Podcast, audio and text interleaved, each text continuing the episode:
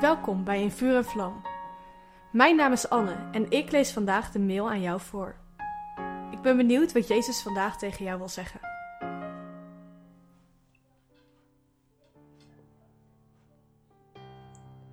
Woensdag hebben we al gelezen dat we door geloof een kind van God en een nieuwe schepping worden. Al het oude is voorbij, het nieuwe is gekomen. Een onderdeel van dat nieuwe leven is dat we ons anders gaan gedragen. Zo is ook het geloof als het geen werken heeft, in zichzelf dood. Dit staat in Jacobus 2, vers 17.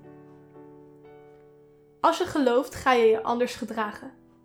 Op het moment dat je tot geloof komt, noemen we het ook wel je bekering.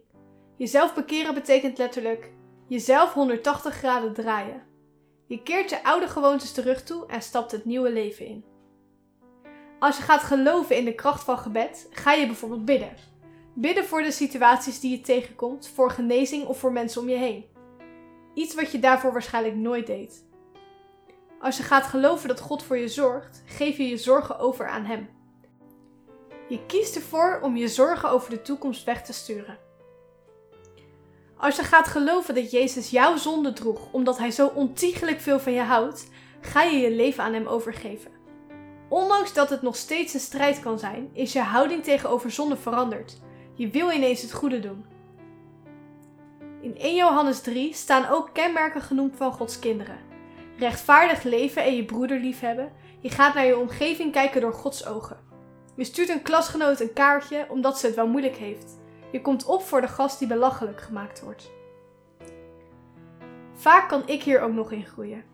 Ik hou nu mijn mond als er wordt geroddeld en ik heb het vaak te druk om iemand te vragen hoe het nou echt gaat. Gelukkig zullen we verder in deze serie ontdekken dat je het niet alleen hoeft te doen. De Heilige Geest wil ons hierbij helpen. Ons gedrag verandert omdat we God ontmoeten. Daardoor willen we ineens iets anders. Zullen we God vragen of Hij je helpt om meer en meer op Jezus te gaan lijken? Lieve Vader in de hemel, dank u dat u mijn leven nieuw heeft gemaakt. Laat mij meer en meer op Jezus lijken.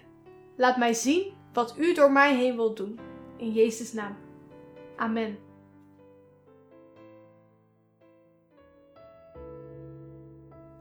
Wat leuk dat je hebt geluisterd naar In Vuur en Vlam.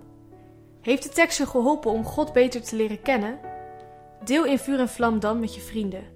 Meld ze aan op streef.nl slash in vuur en vlam.